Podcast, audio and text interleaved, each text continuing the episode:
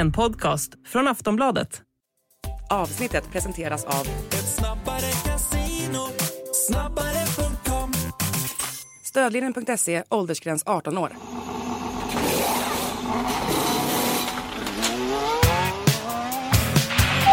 That was some fucking Viking comeback. Debris uh, behind. There's something strange with the engine. What the, what the? Yeah, what is this tractor? What is this tractor on track? Suck my balls, man. Get my claps and steering wheel. Steering wheel. Claps and steering wheel here.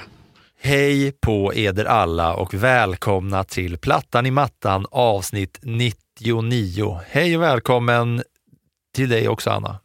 Tack så mycket. 99, det är ett rätt snyggt nummer. Vad klingar det för dig?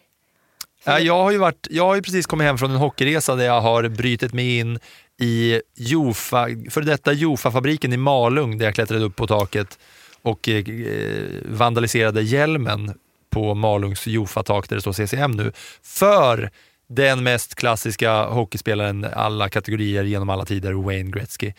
Som alltså var så pass bra att hans nummer pensionerades av alla lag. Alltså det, för mig klingar 99 också Wayne Gretzky. Sen är det lite roligt för att min eh, man hade faktiskt det numret när han gjorde comeback i eh, Bundesliga efter ett, eh, eh, något, någon års frånvaro så fick han eh, göra en skadecomeback. Då körde han också med 99 som eh, lagom eh, erfaren. Jaha, och, och det är väl nästa steg då om man ska överträffa Gretzky, att man ska pensionera numret i andra sporter. än bara sin egen sport som man utövar. Dit jag skulle komma med Jofa-grejen var att Gretzky vägrade ju spela med någon annan typ av hjälm än Jofa-hjälm där under en period. Och jag har haft på mig massa gamla klassiska Jofa-hjälmar nu i hockeyresan som jag gör med Marcus Leifby när jag reser runt och kollar på hockey. Men därför var det bra passande att du frågade mig just om 99. Mm. Ja, Men 99 för mig är också verkligen så, Wayne Gretzky. Ehm, och vår story gick ifrån, det var vår son som hade den numret när han stod i mål och då fick pappa ha samma nummer när han gjorde comeback. Så det hade faktiskt ingenting med Gretzky att göra, men för mig så är det nog 99, ja. Det är Gretzky. Sen- Även ett, av, även ett av de bästa årtalen också, alla genom världshistorien, 99. Varför då? Ja, det, var bara, det, var, det var bra då. Allt var perfekt. Sen så är det väl ändå så att det vet du faktiskt vilken F1-förare som körde med just det numret? 99. Nej, nej, jag tänkte att jag skulle vara föregå, för jag visste att frågan skulle komma. Så jag var redan på väg att jag skulle smyggoogla här utan att du märkte. Nej, du hann inte, för jag hade faktiskt Nej. koll på den. ja, intressant om du ens kommer ihåg namnet. Adrian Sutil. ja, ja, Sutil har vi pratat om flera gånger. Precis, Tysklands... det är ett namn som dyker upp här och där och då och då. Eh, precis, ja men han eh, körde ju faktiskt för eh, Sauber. Eh, en grå, riktigt grå Sauber faktiskt när han körde med nummer 99. Egentligen undrar jag varför han valde det numret. Det hade varit intressant att veta. Ja, 99. Det var, men eh, han körde väl ganska nyligen. Alltså det är väl inte så en riktigt gam, det är inte gamla grejer vi snackar om. Det är väl ändå modern F1-historia. Alltså han la av 2014, så det är tio Ja. år sedan. Eh, är det eh, modernt? Supermodernt. Supermodernt? Eller okej då, eller okej då, det var innan, hybrid, innan hybrideran. Då får man väl säga att då är det väl semimodernt då. Ja, alltså han körde faktiskt, eh, det, det första året i hybrideran körde han sitt sista race. Och då körde ju han, eh, då körde väl han för 17 gubbar för, måste jag fundera, om inte han körde för Sauber 2014 och att det var hans plats som Marcus Eriksson faktiskt tog när han bytte till Sauber. Till 2015. Så är, det nog, så är det nog mycket väl va? Ehm, Adrian Sutil, det, det är ett namn som har dykt upp många gånger men som jag inte har lagt mer eh, kärlek i än att bara konstatera att det fladdrar förbi. Du, andra grejer som bara fladdrar förbi det är att förra veckan så satt du och jag här och pratade om eh, Alfa Tauris nya namn, småtjurarnas nya namn som blev Anna. Ja. Vad blev det? Jag måste komma ihåg det också. Visa Cash App RB. Ja, och där RB står för Racing Bulls och inte för Red Bull. Eller? Det skulle kunna vara så. Det där känns lite... Kan väl vara lite vad man passar in där på RB känns det som. Ja. Men man antyder ju, alltså tanken med hela... Eh, ja, småtjurarnas satsning i år är ju helt enkelt att de ska knytas närmare Red Bull för att kunna dra så mycket nytta som möjligt. För man är ju lite trött på det resultatet som det teamet har gjort i förhållande till vad deras huvudteam har presterat de senaste åren. Så att eh, man knyter väl ihop det så mycket som möjligt och det ska bli så likt som möjligt helt enkelt. Utan att vara identiskt, för att det finns ju väldigt tydliga regler för vad man får köpa och inte får köpa. Så att det gäller ju att hålla sig på den där gränsen. Eh, och jag misstänker att både Formel 1 och FIA kommer att vara extremt noggranna med att se vad de sysslar med. Och om de inte är det så kan jag ju nästan garantera att eh, Toto Wolf lär uppmärksamma dem på vad de sysslar med och inte sysslar med. Ja, och framförallt då när man tittar på hur deras logga då ser ut så är de ju mycket närmre nu. Det är ju samma identiska tjur bara i vit färg. Red Bull har ju två tjurar som stångas mot varandra. Mm, Det Och känns här- ju som det är då eh, Perez och Verstappen. Ja, så är det. Och sen här är en som gräver ner hornen i backen eh, själv då framför Visa och nedanför Cash App-loggan. Eh, som ser sådär ut. Men vi var i alla fall rätt på det. Man var lite orolig att vi skulle, liksom, för vi slog i princip fast det innan det var fastslaget att det skulle bli det sämsta namnet i mannaminne. Och så blev det som vi sa att det skulle bli. Ja, men det är kul när man har rätt någon gång också. Det är ganska många gånger som vi har fel. Så att, eh, ja. Mm. Ja, jag tänkte säga tala för, dig, tala för mig du. Tala för, ta, det blir inte tala för dig själv, för då hade det varit som att jag hade sagt att du brukar ha fel, men det är oftare jag som brukar ha fel. Så tala för mig du. Ja, men jag gjorde ju det, Filip. Jag tänkte ju på dig här och pratade för dig. Bra. Så jag tänkte jag skulle skydda dig lite. Eh, Bra. Och även eh, Kick Sauber då har ju fått ett K framför, eh, eller ovanpå sin logga, ett fult pixligt K som ser relativt förjävligt ut i neongrönt. I också energidryckstecknet. Mm, några, vi ska gå igenom lite saker som har hänt här, för nu har det faktiskt hänt lite grejer och det var ju som vi konstaterade förra veckan att snart kommer det börja liksom puttra igång med det ena och det andra hit och dit när silly-säsongen eh, drar igång eller när vi närmar oss tester. Nu dog ju silly-säsongen innan den knappt hade börjat som eh, någon nu, om det var Will Buxton, som skrev så på Twitter. För vi har nya kontrakt för Lando Norris och för Charles Leclerc och då var jag på väg att säga nya livstidskontrakt för de här båda herrarna som nu är synonyma med sina racingstall. För båda de annonserade ut sina nya kontrakt och det är inte exakt helt klart hur länge, men att det är riktigt jävla länge, det är klart i alla fall. Ja, men alltså, fast jag tycker ju att eh, man har lite fel om man säger att Silly dör innan. För att Ferrari skulle förlänga med Leclerc. Det var ju liksom... Det var ju inte ens en fråga. Alltså, Charles Leclerc är så pass förknippad med Ferrari med tanke på den väg han har haft in i F1, de år han har kört innan för Prema. Han har varit en del av deras akademi. Vi får nästan gå tillbaka tio år så har han varit en del av Ferrari.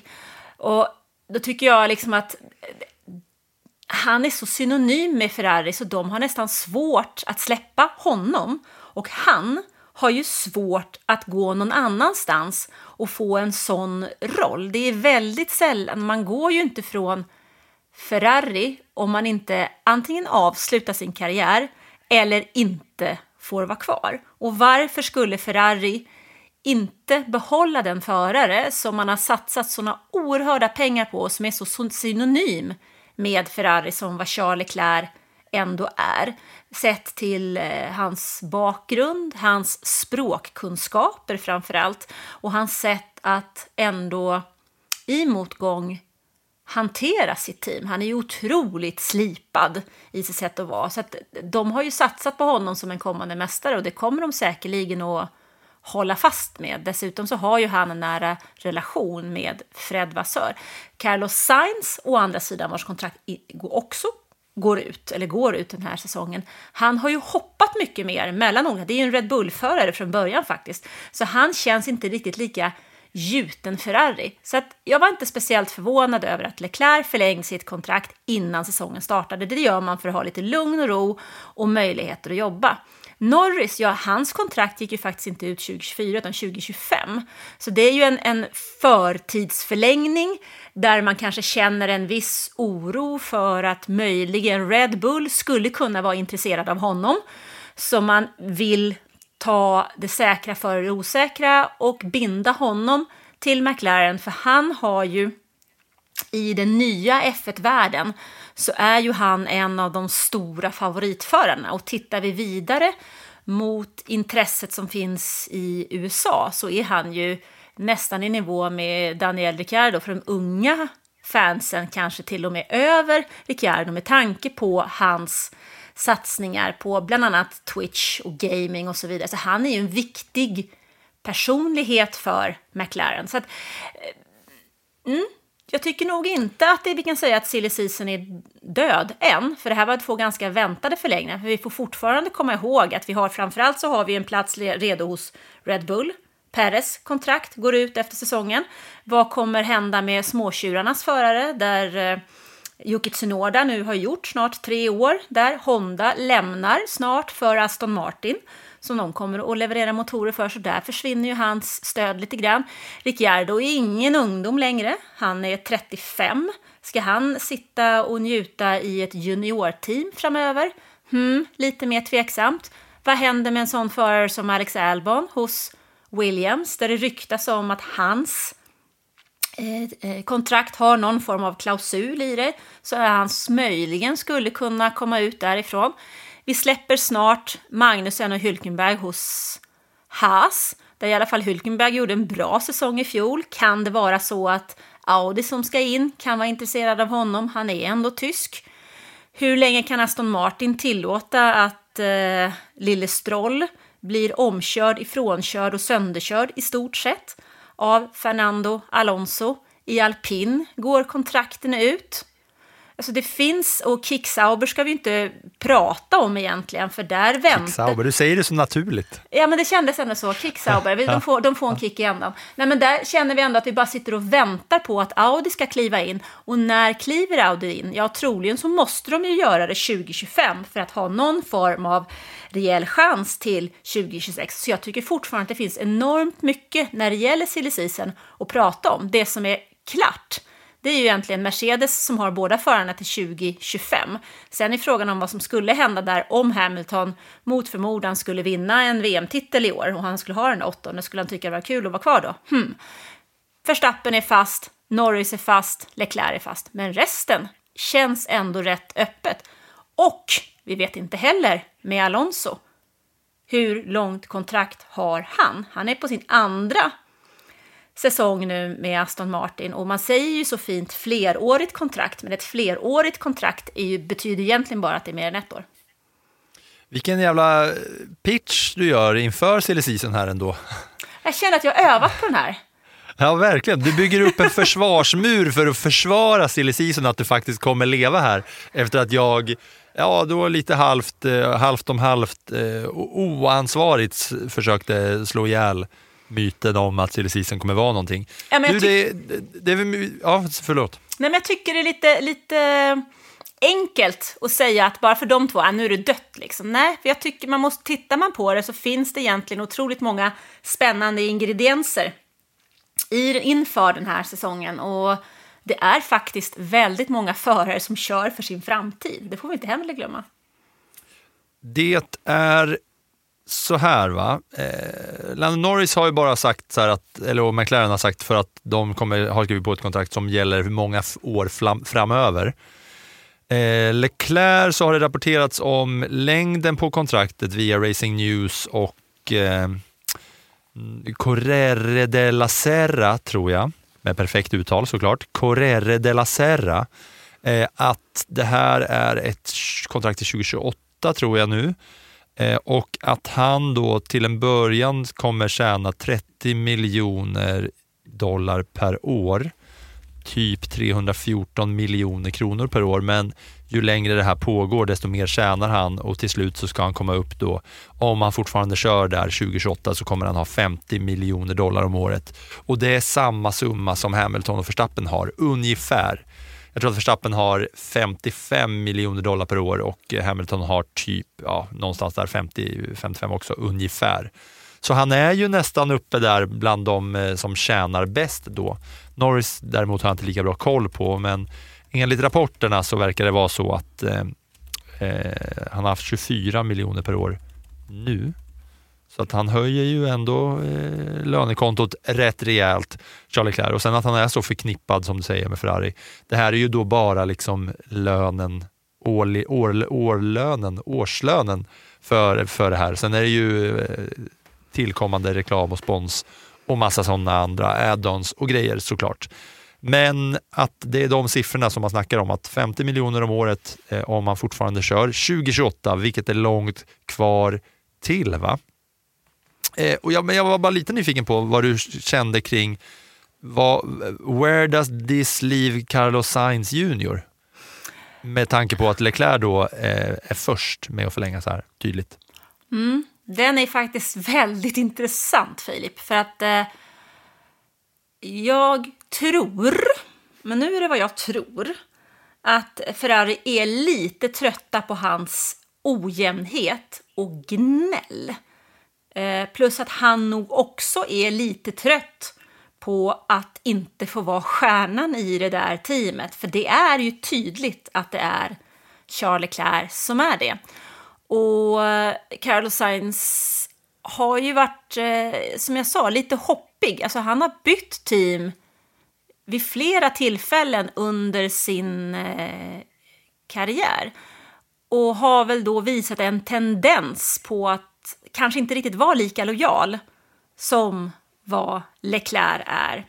Så att jag är inte helt säker på att man lyckas foga in honom i det teamet eller att man vill foga in honom i det teamet framöver. Det beror nog lite på från Ferraris sida vad Sainz levererar. Det beror nog också lite på vilka andra förare som finns på marknaden som skulle kunna vara intressanta för Ferrari. Och sen beror det nog lite grann på vad som händer i deras egna akademier. Alltså det finns ju en eh, intressant italiensk ung förare som har hoppat över Formel 3 som är eh, Prema-förare. Han är visserligen Mercedes junior, om jag har förstått det hela rätt. Men han är italienare eh, och han ska in i Formel eh, 2 i år. Och jag kan tänka mig att det ligger lite sånt där och poppar lite grann hos eh, Ferrari för att se vart teamet ska ta vägen. För det är lätt att säga nu att det är långt till 2026, men det är inte långt till 2026. Mm. Eh, vi kommer prata mer om Ferrari och deras reservförare lite, lite, lite senare. Men det var bara kul att höra vad du tänker kring Sainzen. Jag tänker bara så här, när du, när du nämner, vilket jag också tror, han är trött på att inte få liksom vara stjärnan, fast i det här fallet då mer liksom så här tydlig det är jag som eh, call the shots, här, första förare på något sätt, även fast det inte är så tydligt överallt. Jag kollar bara i de andra teamen, vad, alltså vart skulle han annars kunna köra och, Ja. vara, och få vara den, eh, liksom, ja, the star så att säga? Audi. Det finns ju inget. Audi.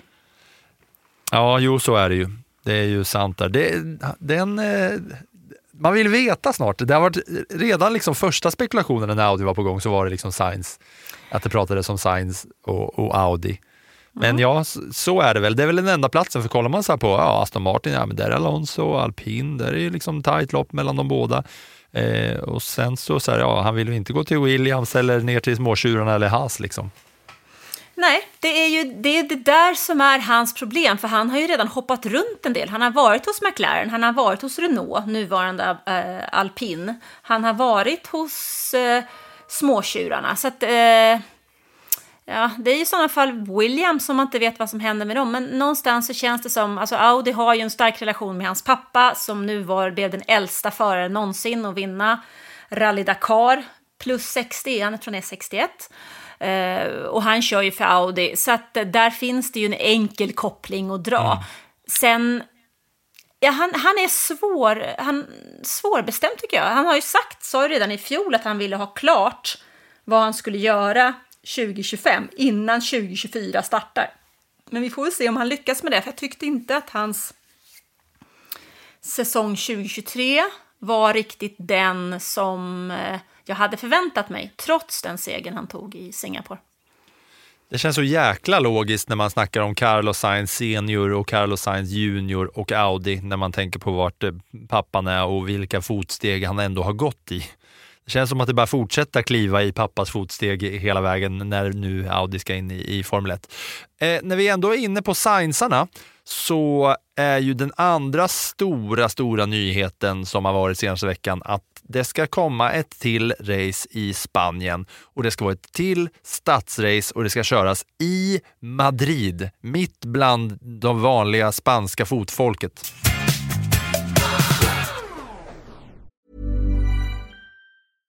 Hey, I'm Ryan Reynolds. At Mint Mobile, we like to do the opposite of what Big Wireless does. They charge you a lot, we charge you a little. So naturally, when they announced they'd be raising their prices due to inflation, we decided to deflate our prices due to not hating you.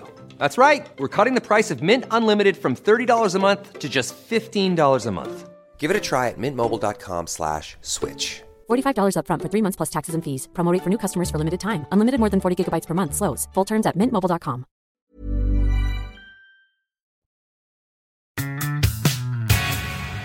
Ja, det ska köras på gator och det ska köras på en mässområde. Det sägs, eh, pratas lite om ett hybridrace. Men jag tycker det finns en tendens här att plocka F1 mer och mer in i städerna faktiskt. Fler och fler eh, stadsrace helt enkelt. Och det vet jag inte riktigt vad jag tycker om. Sådär. Den här banan är svårt att säga så mycket om kan jag tycka, än så länge. Jag tyckte att det stod att varvet skulle vara någonstans 20 kurvor och eh, fem, strax över 5 kilometer.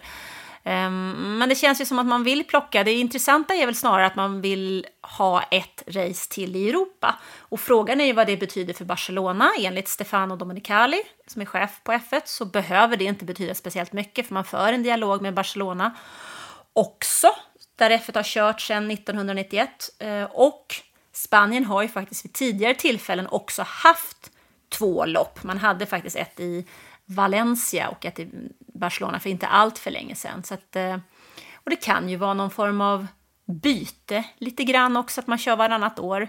Jag vet inte riktigt, men det blir intressant att se vad som händer med Barcelona. Jag tänker på några grejer. Ett är ju är det liksom slut på riktiga racingbanor? Är det så mycket race på kalendern så att det är slut? Det är där, därför det blir så mycket stadsrace hela tiden, för att alla racingbanor i världen finns redan med på kalendern för att det är så himla, himla, himla långt.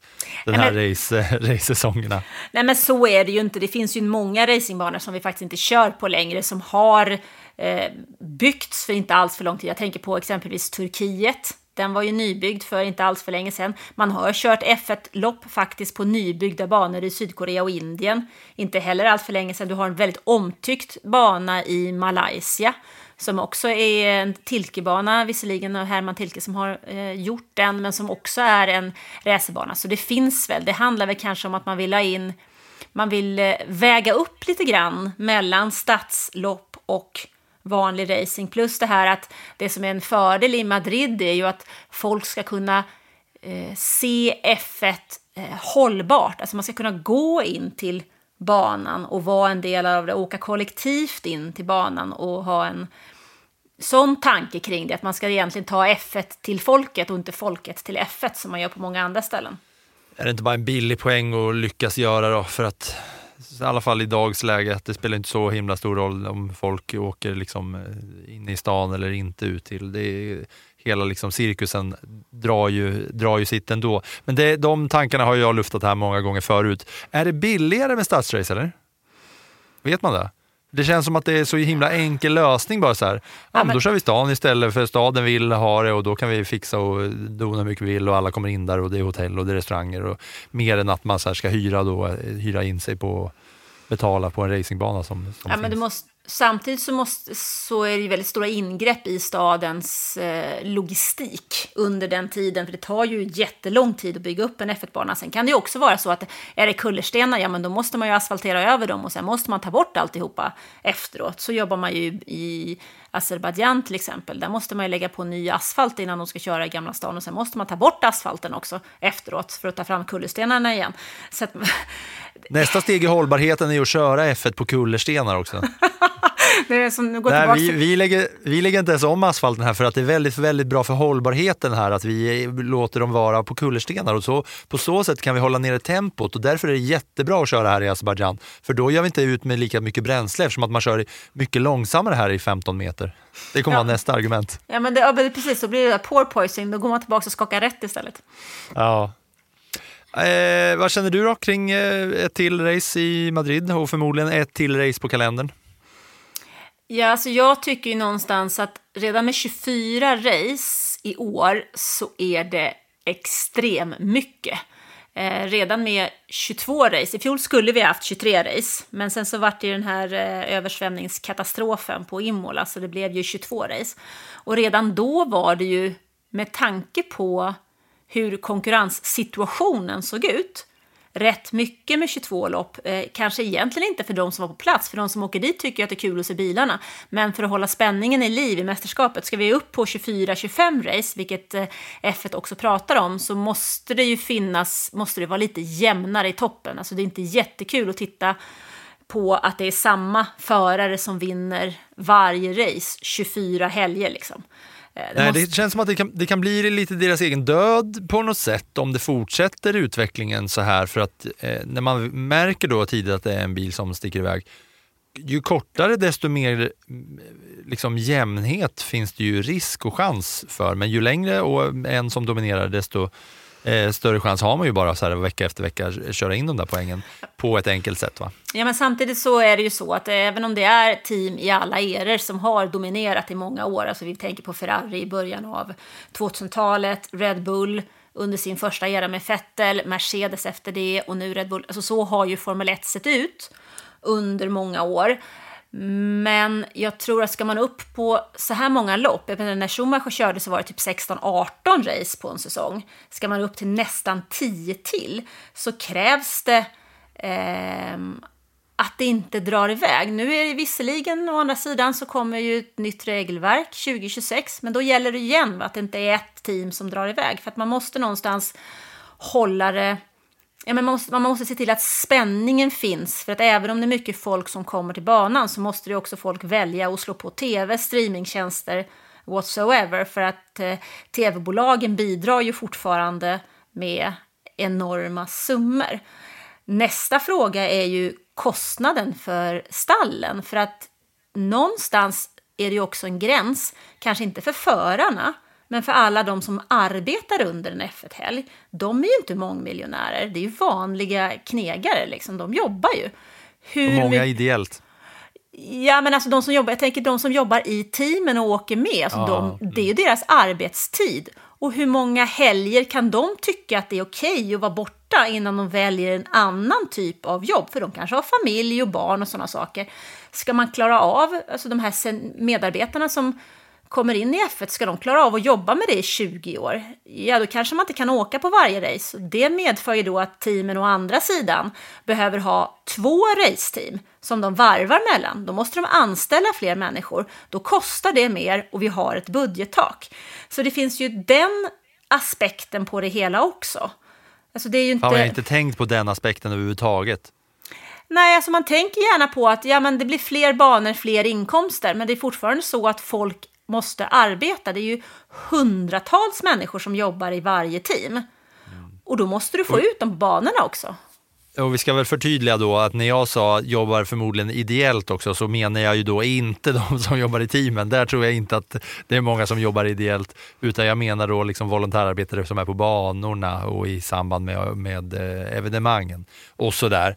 Eh, såklart. Ja, det är ju en intressant eh, infallsvinkel att ta. En annan grej som, som gäller kalendern är ju att eh, F1 kanske till och med har ett till race på gång. I alla fall enligt de som har bra koll på det här. Vi pratade om att eh, Visa Cash App Racing Bulls, RB, hade registrerat massa olika typer av domäner, massa olika hemsidor och olika ställen. Och det har F1 även nu registrerat på Formula 1 Grand Prix of Chicago, Grand Prix of Chicago, Chicago Grand Prix och Formula 1 Chicago Grand Prix. Alla de här fyra namnen har de nu tagit trademark på, alltså registrerat eh, domännamn till. Då- Och då börjar man ju fundera, aha, då blir det ett street race till då i Chicago. Alltså, då kan jag ju bara hoppas att Miami försvinner. Ja, men det kommer det väl knappast göra. Va? Det känns som att det, är, det här är ett steg till i liksom USA-riktningen och sen då även ett, eh, ett gaturace till i The Windy City heter Chicago va? Är inte man kallar det The Wind City, The Windy City eller något sånt? Jo, men jag tror också att det är något sånt. Jag har faktiskt aldrig varit i Chicago mer än att bytt flygplan vid något tillfälle, så jag har inga jättebra koll på Chicago. Men jag eh, jag har också hört, tag, hört talas om det där med vindarna kring sjön i Chicago. Men eh, jag kan väl, ja, behöver inte ha ett stat, alltså stadsrace i Miami, i Las Vegas och i Chicago. Visst, olika delar av USA. Eh, jag är inte jättehet på det, men jag kanske har fel. Nej, men kör bara på en jävla, kan de inte bara köra på en bana? Kör på en bana som finns. Det blir bara eh, stadsrace där det är svårt att köra om eh, och, och sådär. Nu är, var det ju annorlunda i Vegas eftersom att det var en stor omkörningssuccé. Men ja, det finns liksom inga mer rapporter än de här då eh, som har liksom spanat till sig att det här, de här registreringarna av varumärket, så ska man väl kanske säga att det översätts ordentligt, varumärkena, det här F1 Grand Prix of Chicago, Chicago Grand Prix och så vidare, att det liksom är på gång. Så där ska vi inte bli superförvånade om någonting sker. Lite annat nytt då Anna. Det här blir ju, det här blir ju eh, bara på en vecka har vi fått mer nyheter än vad vi haft på hela vintern. Man är törstar efter nyheter helt enkelt, så man tar varje halmstrå. Och då kan vi leverera några datum till er alla som lyssnar. För att nu går vi ju in i reveal season, eh, om vi får kalla det så. När de då visar upp sina nya bilar och sina nya färgkoder och sina nya liveries. Liveries. Vad väljer du för uttal? Vad är uttalet rätt? Färgsättning. Ja, på eh, deras nya. Eh, McLaren har ju redan visat upp hur den kommer se ut, sin nästa bil. Men de har inte, eller ja, de har visat hur liksom färgsättningen kommer vara, men inte själva formerna på den nya bilen. Men här är lite datum för er att hålla koll på, för att det kommer nu på löpande band från och med nästa vecka, 2 februari, med början hos Haas som kommer vara först med att revila, i brist på bättre ordval, eh, sin nya bil. Då. Sen är det då som sagt, det kommer ett pärlband här, Williams och Kick Sauber, inte lite lika naturligt när jag säger det som när du sa det förut, kommer 5 februari, sen 7 februari är det alpin. Men alpin, de har väl i princip redan visat sin bil. Man kan väl bara ta de här bilderna som de har visat och pussla ihop.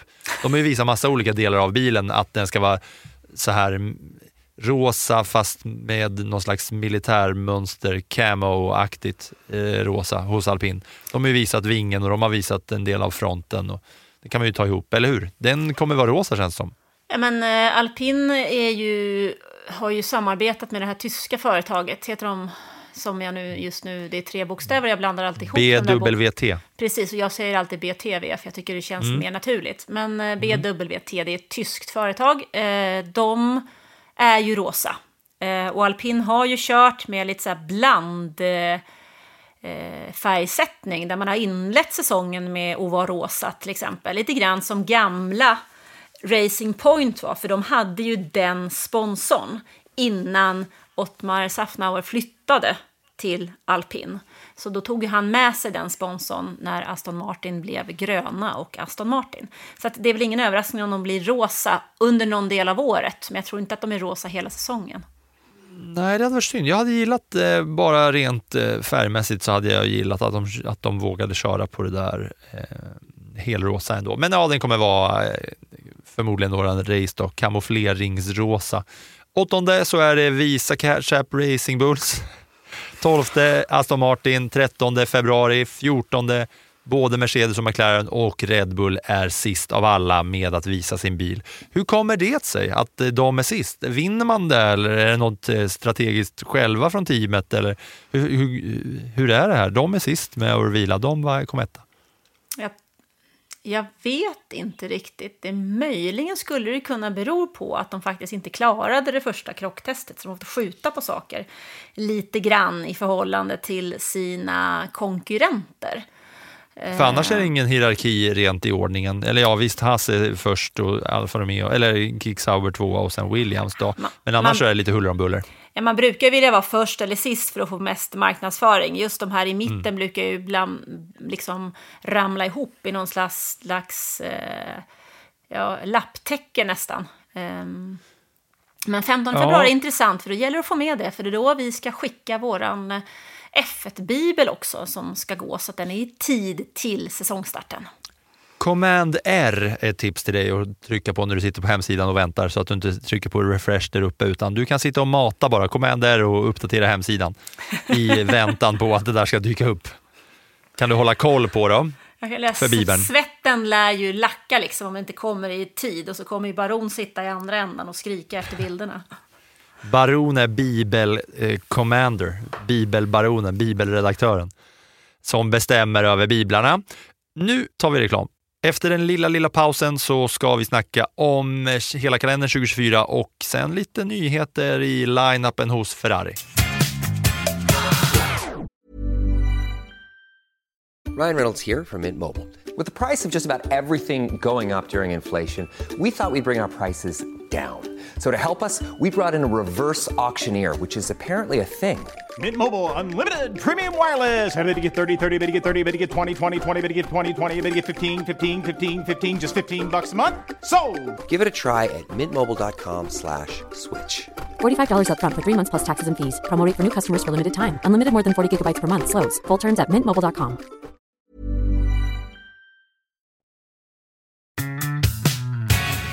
Ja, vi får inte glömma bort det där namnet Leclerc. Det känns ju som det etsar sig fast på den röda väggen hos Ferrari. Mm, och det du eh, refererar till då, det är att det finns en till Leclerc som nu har tagit sig upp i eh, ranken, i ranken, in, i, i hierarkin hos Ferrari som har gått hela vägen via Prema och alla underdelningar och det är ju lillebrorsan Arthur som nu har fått göra sina första varv i en eh, riktig F1-bil också. Och anledningen till att vi snackar om det, det är att eh, Ferrari har gått ut med och eh, berättat att deras nya testförare heter Oliver Bearman och även att Arthur Leclerc kommer vara development driver eh, tillsammans med lite annat folk. Men det är väl egentligen reservföraren som är den stora grejen. Eller vill du säga mer om, om Arthur Leclerc som är utvecklingsförare? Han kommer ju säkert att lägga en hel del tid i simulatorn för att hjälpa brorsan eh, med vissa inställningar och sånt där. Det är det jobbet framförallt som en, som en eh, reserv eller utvecklingsförare gör. Man utvecklar ju bilen. Det var ju likadant i fjol. Det var många som funderade över var Mick Schumacher tog vägen. Och han la ju timmar och nätter i simulatorn hos Mercedes. Och det var ju en av anledningarna till att Mercedes ofta utvecklade sin bil från fredag till söndag. är ju det arbetet. Så det är väl en del sånt som eh, lillebror Leclerc kommer att syssla med vid sidan av att han naturligtvis har andra uppdrag också. Mm, lite mer intressant då med Oliver Bearman som är britt och han har kört F2 med Prema så han kliver ju också upp eh, den liksom standardvägen. Och då är det ju så här, man blir ju lite så här, men vänta, kör inte Giovinazzi eh, som reservförare? Och så bara, men den här Robert Schwarzman då, kör inte de som reservförare? Jo, det gör de. Men nu blir de tre här reservförare i Ferrari för att Giovinazzi och Schwarzman, de ska också köra VEC under eh, det här året och det är ju alltså då Anna World Endurance Championship, eller hur? Mm. Det är långloppskörning. Där ska även Mick Schumacher köra eh, för alpin. Det är de vi Mm. pratar om, Le Mans och Spas långlopp och så vidare. Mm, ja, men jag tänkte att det var värt att nämna i alla fall, för det var ändå i ett av de största teamen där. Så här. Eh, sen ska vi kolla lite på kalendern inför i år också, eftersom att vi pratar om det avsnitt eller efter avsnitt om att det är så många race och att det händer en del grejer. Och vi har väl kanske bara så här snuddat vid det, men om man bara kollar på kalendern i jämförelse med förra säsongen, vad har vi för grejer som man egentligen vill lyfta på ögonbrynen lite för? Ja, men det är väl att Kinas GP faktiskt är tillbaka i Formel 1 efter en extrem lång pandemifrånvaro faktiskt. Den, eh, det är ett lopp som, ja men det är en bana som är rätt rolig faktiskt, tycker jag personligen i Shanghai. Så att eh, det ser jag faktiskt fram emot. Mm, jag har inte kört den själv riktigt, den där eh, Kina-banan, men det kanske jag ska få göra. Alltså eh, tv-spelsköra.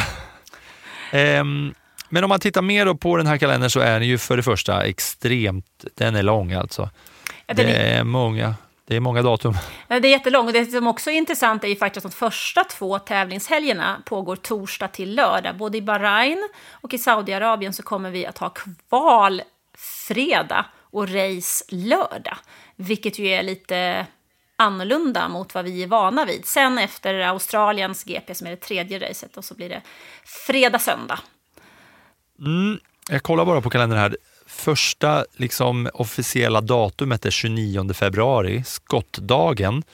Och det sista datumet är 8 december, Yas Marina Abu Dhabi. Det är alltså nästan ett helt kalenderår. 8 december. Det är inte mycket tid mellan 8 december och sen 29 februari efteråt som, som kommer. Alltså wow, den är lång. Kina då som kommer tillbaka är placerad, eh, den är ganska tidigt va? Det är ja, det är säsongens race femte. nummer fem.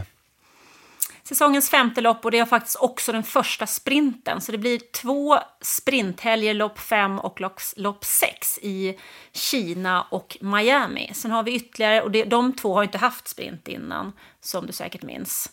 Sen eh, kör vi sprint i Österrike.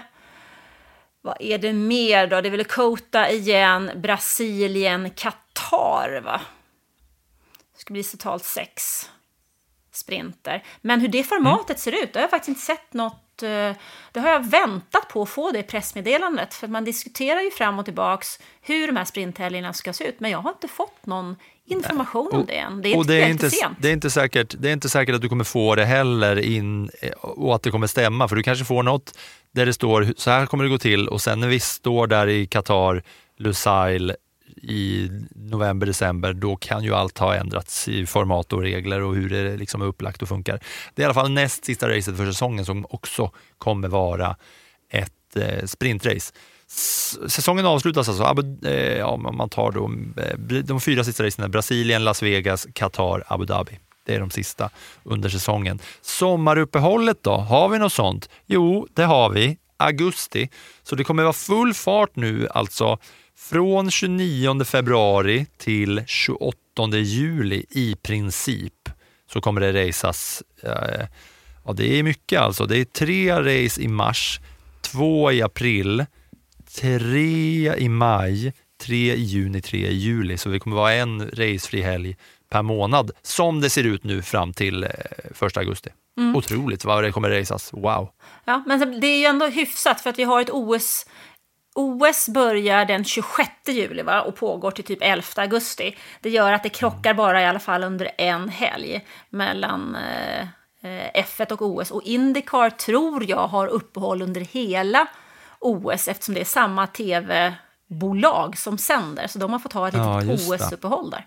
Mm, och då är man i alla fall då i samband med OS så racear man i alla fall i Europa för då är det Belgien och Nederländerna som man kör i 26 till 28 juli i Belgien och 23 till 25 i Nederländerna.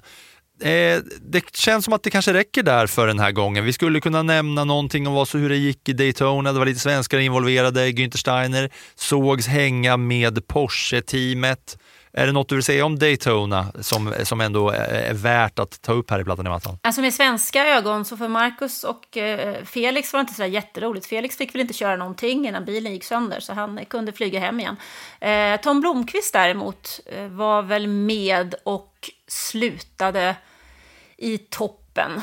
Eh, tog en pallplats i alla fall, så det var väl positivt får man väl ändå säga. Stig Blomqvists son som vi också kommer att få se i Indycar under eh, våren. Ja, annars så får vi säga på återhörande allihopa. Nästa vecka så kommer avsnitt 100 och veckan efter kommer avsnitt 101. Då får man välja vilket man tycker är mest av eh, dignitet när det kommer till de två. Men eh, då i alla fall 7 februari så kommer vårt 100 avsnitt. 14 så är det fortfarande lite uppehåll. Men sen, sen börjar uppsnacket. Så det är två veckor till av lite så här halvstiltje innan det kommer trampas igång ordentligt med F1-tester och eh, nya bilar och allt nu vad det kan heta. Så vi hörs väl då helt enkelt. Eller vi hörs varje onsdag, det vet ni allihopa. Ja, men vi har ju planerat annat kul här, både jubileumsavsnittet och veckan efter. Veckan efter har vi väl en otroligt prominent gäst, va? Är det inte så? Det har vi verkligen och det kommer bli kul för både oss och för er. Nu får ni ha en god vecka och en god helg allihopa. Även om man då lyssnar på onsdagen så är det långt kvar till helgen. Ja, ni eh, hör ju. Tack, hej! Tack och hej! That was some fucking Viking comeback.